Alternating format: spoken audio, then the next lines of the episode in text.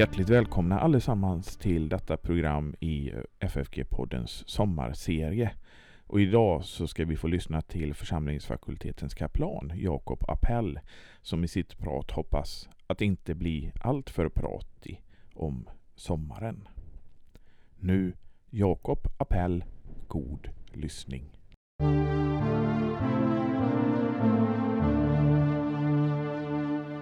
Vi kan kanske kalla det här ett sommarprat, även om jag hoppas att det inte ska bli så pratigt. Nu kan ju en del sommarprat i radion vara angelägna och allvarliga och inte alls pratiga. Så vi får tänka att ett sommarprat kan rymma både det ena och det andra. Jag förknippar sommarpraten just med sommar och somrighet även om ämnena kan variera. Som kristen tänker jag under sommaren mycket på sommarsalmerna. Och Guds godhets rikedom som ska påminna om nåden som räcker året om för att parafrasera den blomstertid nu kommer. Och där någonstans önskar jag att ha min utgångspunkt för det här avsnittet. Nåd som räcker året om och för livets alla omständigheter. En sådan nåd är Bibelns psalmbok, Saltaren, som har något att säga för livets alla skiftningar och omständigheter. Ord från Gud själv, att rikta till Gud. Ord från Gud, att ta till sig i stillhet och eftertanke. Saltaren har också sina sommarsalmer. Psalm 104 är ett exempel.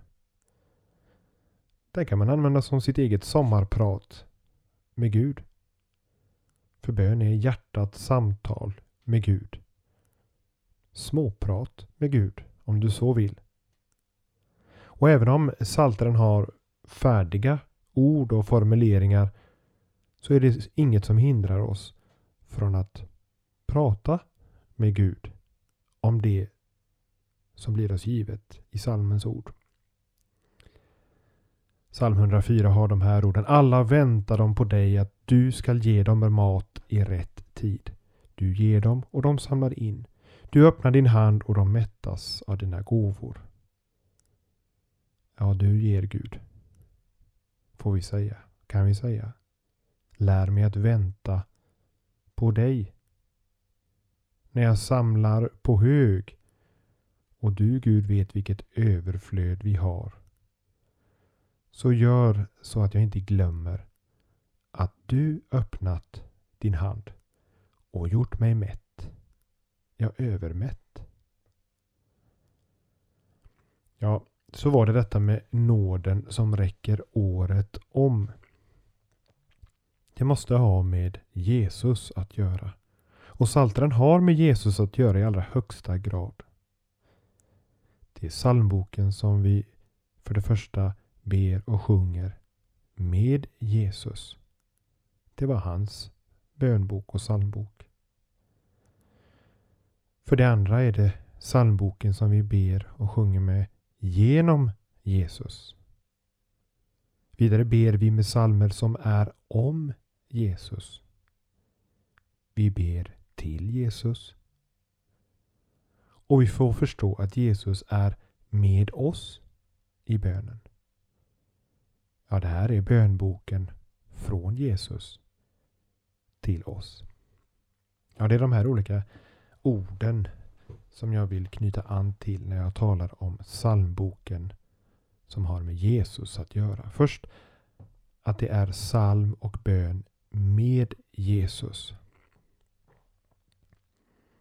Det är en hjälp för oss att tänka på det när vi ber med saltarord som känns svåra att be. Hämndsalmer och liknande salmer. Och då på ett sådant sätt att bönen kan bli ett samtal med Jesus själv. Vad har du bett Jesus i den här bönen om hämnd eller vedergällning? Att vi ber med Jesus blir ju väldigt konkret när vi ber Saltaren 22. För det är med Jesus när han hänger på korset. Min Gud, min Gud, varför har du övergivit mig? bad Jesus. Ett direkt ord från Psaltaren 22.1. Och han bad och fick inget svar. Där på korset hände något som hade med oss att göra, våra synder. Något som Jesus gick igenom för att skona oss. Vi blev inte övergivna. Vi blir inte övergivna. Inte ens om jag går igenom saker som jag bara kan skylla på mig själv. Han blev det. Inte vi. Man kan drabbas av världens elände. Men att dessutom vara övergiven av Gud, vilket är outhärdligt, det är inte vårt öde. Det var hans. När vi ber psalm 22 så möts vi inte av Guds tystnad.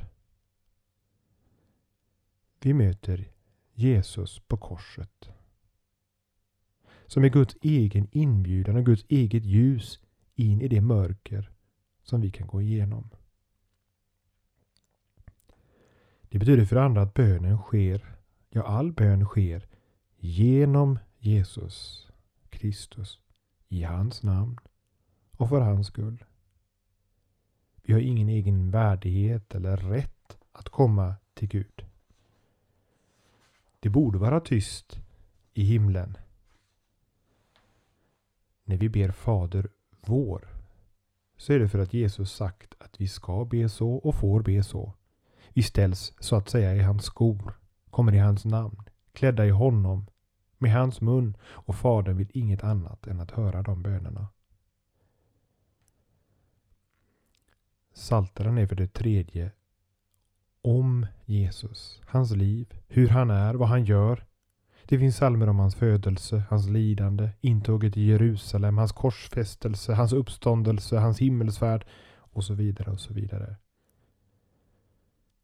Eftersom vårt kyrkoår kretsar kring de här händelserna i Jesus liv så finns det saltarsalmer för just hela året.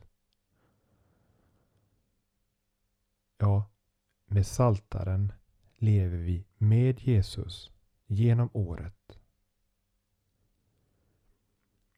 Eftersom Jesus själv sa att han är den gode herden så har han därmed också sagt att psalm 23 ska läsas som en psalm om honom.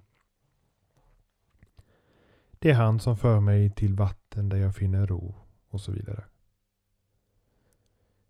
Nu är det värt att lägga märke till att subjektet ändras under salmens gång från att handla om herden Jesus i tredje person till att bli en direkt bön till Jesus i andra person. Ja, det är det fjärde jag vill lyfta fram. Att vi ber till Jesus i Saltaren. När psalmisten börjat med att tala om herden så ändrar han sig när han är i dödsskuggans dal. Då talar han inte bara om herden utan han talar till honom. Om jag än vandrar i dödsskuggans dal fruktar jag inget ont. Ty inte han, herden, är med mig utan ty du är med mig. Din käpp och stav tröstar mig. Och så är det för många av oss. När man märker att man inte längre själv är herre och herde över sitt liv och sitt öde. Allt det som dödsskuggans dal får symbolisera. Då väcks bönen till den enda herden värd namnet. Nämligen Jesus den gode herden. Och saken är ju den att han gått före ner i dödsskuggans dal och kommit levande därifrån.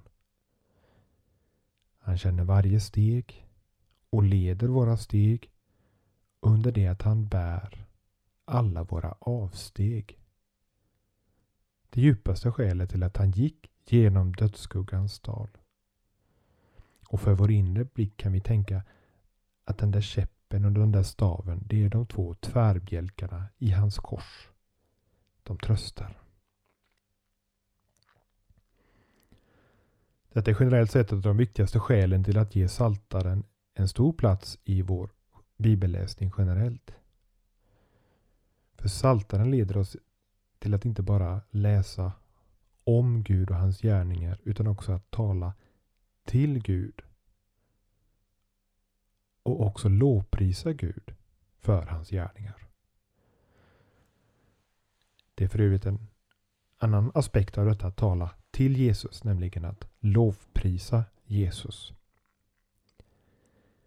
En av de vackraste lovsalmerna är Saltaren 118 som också var avslutningen på lovsången under den judiska påskmåltiden. När Jesus och lärjungarna sjungit lovsången gick de ut till Oljeberget, vilket vi läser om i Matteus 26.30, till Getsemane. Då hade de i psalm 118, vers 22 sjungit om stenen som byggnadsarbetarna kastade bort, men som blivit en hörnsten. Detta sjöng Jesus och han visste vad han sjöng. Sen sjöng han Detta är den dag som Herren har gjort, låt oss på den jubla och vara glada. Och vilken dag talar vi om? Jo, det var den dag som enligt judisk tidräkning just hade inträtt. Där på skärtorsdagens skymning. Innan den dagen var slut skulle Jesus vara korsfäst, död och begraven.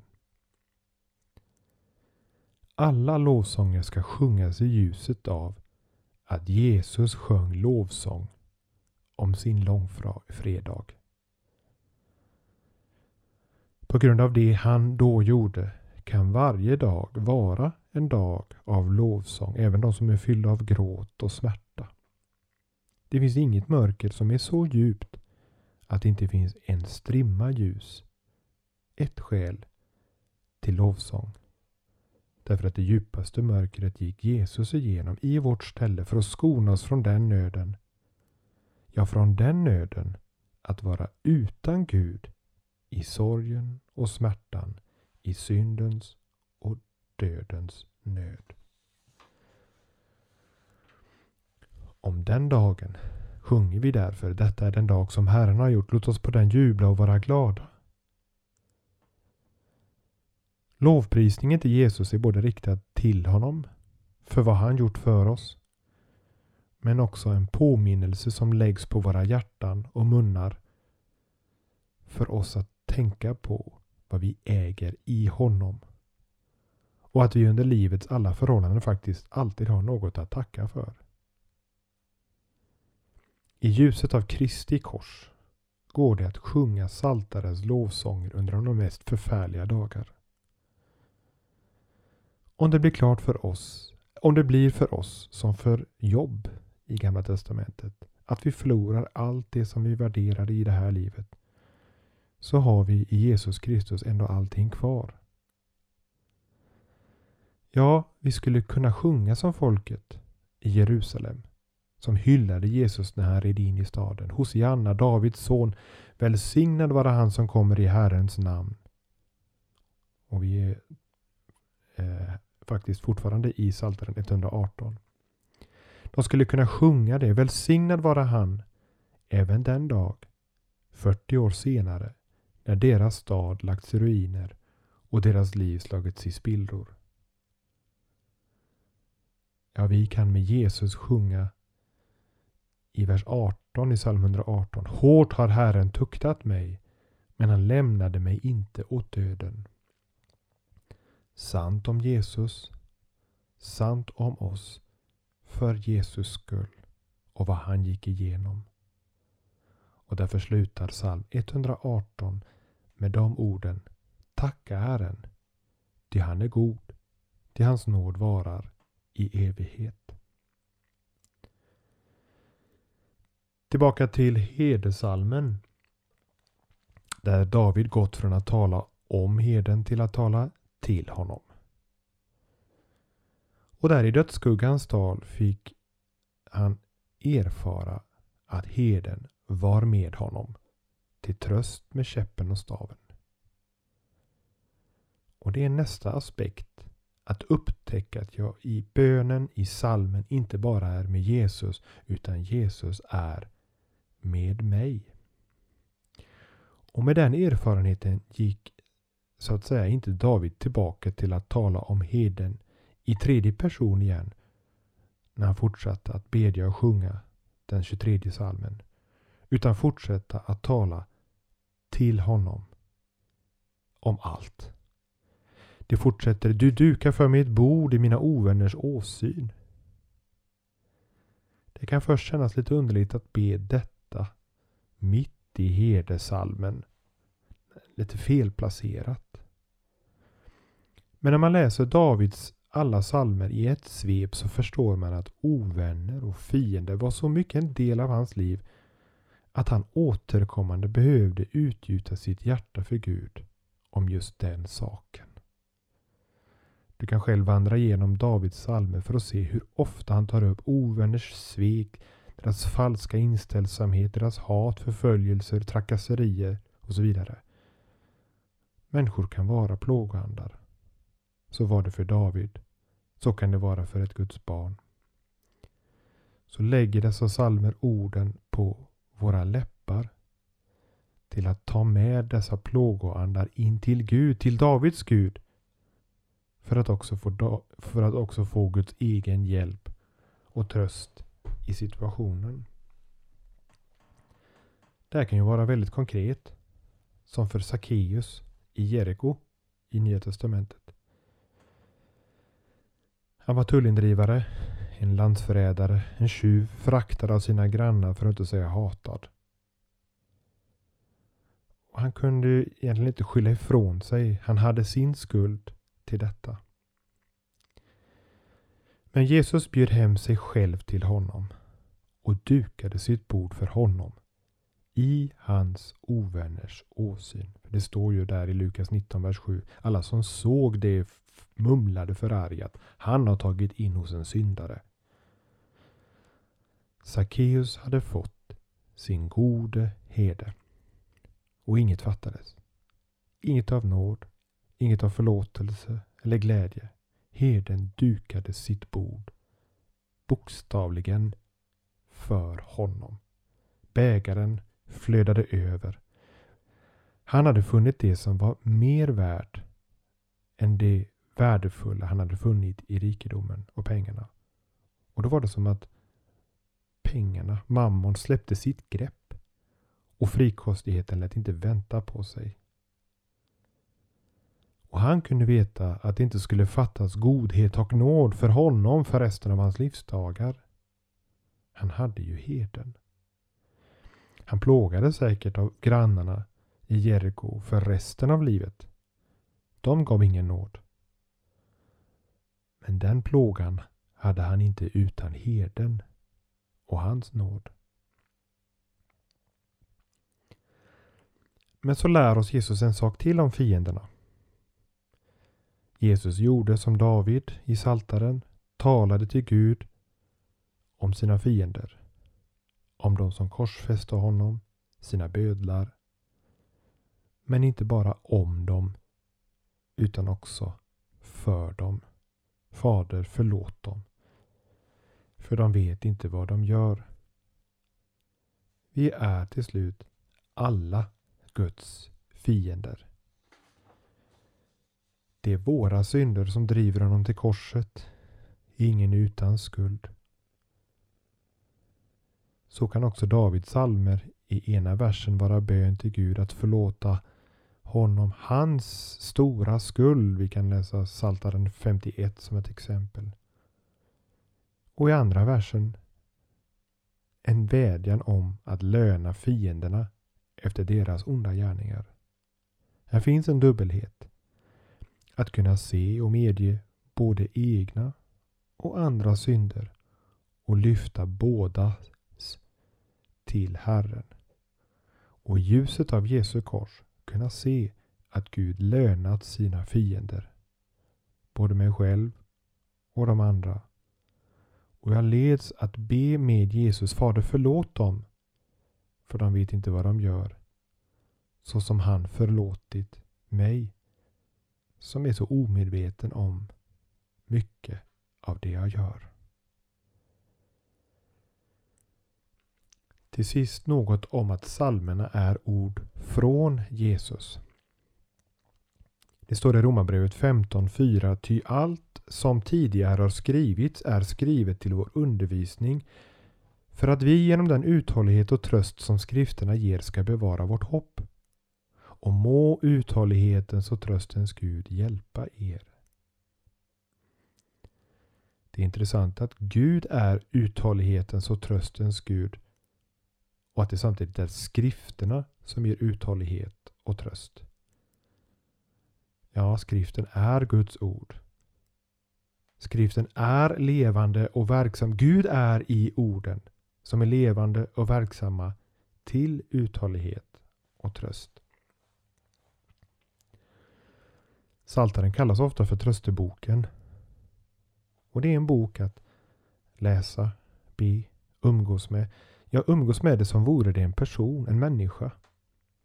Och det är människor vi umgås med i Saltaren. Riktiga människor som gått igenom det mesta.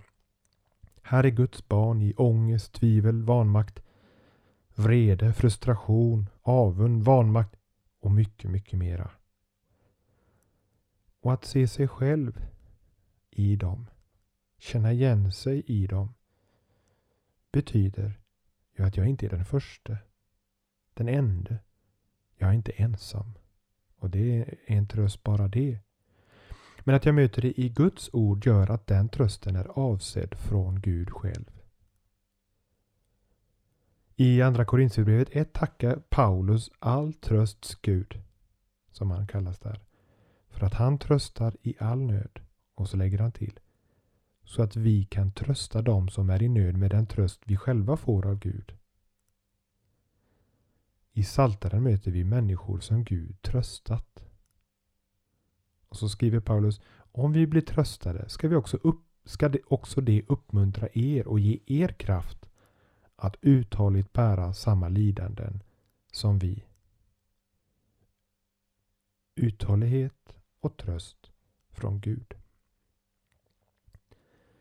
En annan sida av trösten är att Gud själv lägger uppriktighet på våra läppar. Där vi får säga som det är, som jag känner, som jag tänker. Saltaren är inte censurerad och fri från sådana förbjudna känslor. Saltaren 73 är ett exempel på hur det sägs rakt ut. Jag avundades de övermodiga när jag såg att det gick de ogudaktiga väl. Finns det där, så finns det där. Det är som att Gud säger ut med det. Det som jag redan ser i det fördolda. Ja, ber jag det och talar om det till Gud, då kan jag se på det utifrån och så få ett Guds ord in i situationen. Med många klagosalmer är det också så att en svängning sker när Gud kommer till tals och ger sitt ord in i situationen till den klagande. Fortsätter vi att läsa Saltaren 73 så slutar det med att psalmisten gick in, jag citerar, in i Guds helgedom och insåg hur det gick dem till slut. Det var inte värt att avundas dem. Och så slutade hela samtalet med Gud som började så pinsamt med några av de vackraste bekännelserna om Gud i hela Saltaren. Jag läser. När mitt hjärta förbittrades och jag kände styng i mitt inre. Då var jag oförnuftig och förstod ingenting. Som ett djur var jag inför dig. Men jag är alltid hos dig. Du håller mig i min högra hand. Du leder mig med ditt råd och tar sedan emot mig med ära. Vem har jag i himlen utom dig? När jag har dig frågar jag inte efter något på jorden. Om än min kropp och min själ tynar bort så är Gud mitt hjärtas klippa och min del för evigt. Ty de som är fjärran från dig går under. Du förgör alla som trolöst sviker dig. Att vara i Guds närhet är lycka för mig. Jag tar min tillflykt till Herren, Herren, för att kunna tala om alla dina gärningar. Trösten som kommer med orden ur skriften är från tröstens och uthållighetens Gud, som vi läste i Romarbrevet 15. Och vad är det att Gud är uthållighetens Gud? Om inte att han är uthållig med oss, orkar med oss var och en över lång tid. Möter med ny nåd för ny dag. Han tröttnar inte. Tröttnar inte att bära synd, förlåta synd. Och hur kan vi veta det? Jo, genom att Jesus var uthållig. Ända till döden på korset. Med alla våra synder på sina axlar. Då orkar Gud förlåta idag också. Och det är egentligen den djupaste trösten. Att Gud inte ställer våra synder mellan sig och honom. Mellan sig och oss. Utan är redo att lyssna. Även om jag inte talat med honom på länge, klagat på honom, gnällt, varit otacksam eller mest varit min Herre, min egen herde. Att så många salmer så konkret talar om just den lidande Jesus, hans uthållighet på korset, gör att där ligger liksom lite då och då denna återkommande tröst av Kristus själv. Den lidande Kristus. Tröst som blåser liv i den tynande veken, ger ny kraft för stunden och för dagen. Uthållighet i Bibeln är närmast detta att vänta. Vänta på Herren, vänta på hans handlande.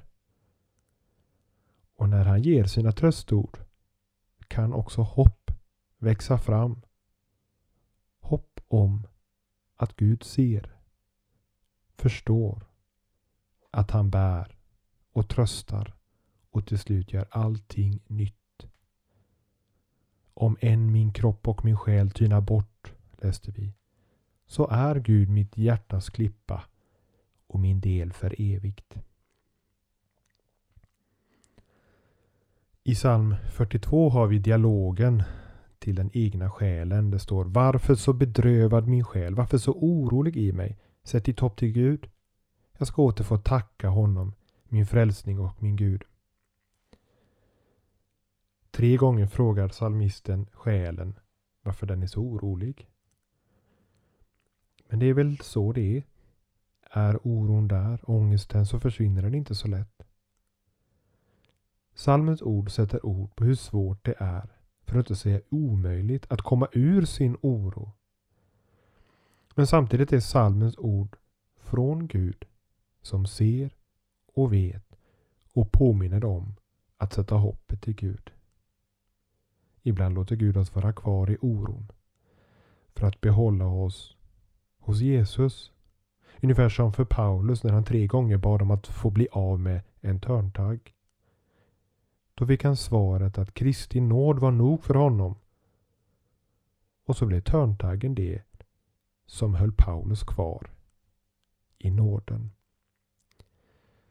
Förbli i mina ord, sa Jesus. Förbli i min kärlek, Johannes 15.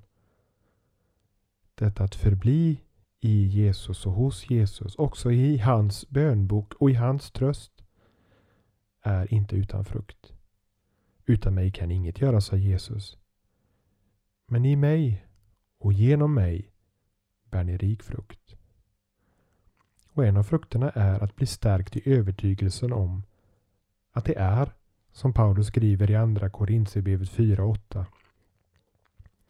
Vi är ständigt trängda men inte instängda, rådvilla men inte rådlösa, förföljda men inte övergivna, nerslagna men inte utslagna. Vi skulle kunna eh, lägga in med anledning av det som sagts oroliga men inte utan ro. Törntaggade men inte utan nåd. Alltid bär vi Jesu död i vår kropp för att också Jesu liv ska bli synligt i vår kropp. Låt mig få avsluta med en, en av psalmerna. Psaltaren 147. En lovsalm som både talar om skapelsens skönhet i sommartid och om den nåd som varar året om. Det är gott att lovsjunga vår Gud. Sådan lovsång är ljuvlig och skön. Herren bygger upp Jerusalem. Han samlar dem som drivits bort från Israel. Han helar dem som har förkrossade hjärtan. Deras sår förbinder han. Han bestämmer stjärnornas mängd. Han nämner dem alla vid namn. Stor är vår Herre och väldig i kraft. Hans förstånd har ingen gräns. Herren uppehåller de ödmjuka, men de ogudaktiga slår han till jorden. Sjung till Herren med tacksägelse. Lovsjung vår Gud till arpa. Han som täcker himlen med moln och bereder regn åt jorden. Han som låter gräs skjuta upp på bergen och ger föda åt djuren, åt korpens ungar som ropar. Han har ej sin lust i hästens styrka, i sin glädje i mannens snabbhet. Herren gläder sig åt dem som fruktar honom, åt dem som hoppas på hans nåd.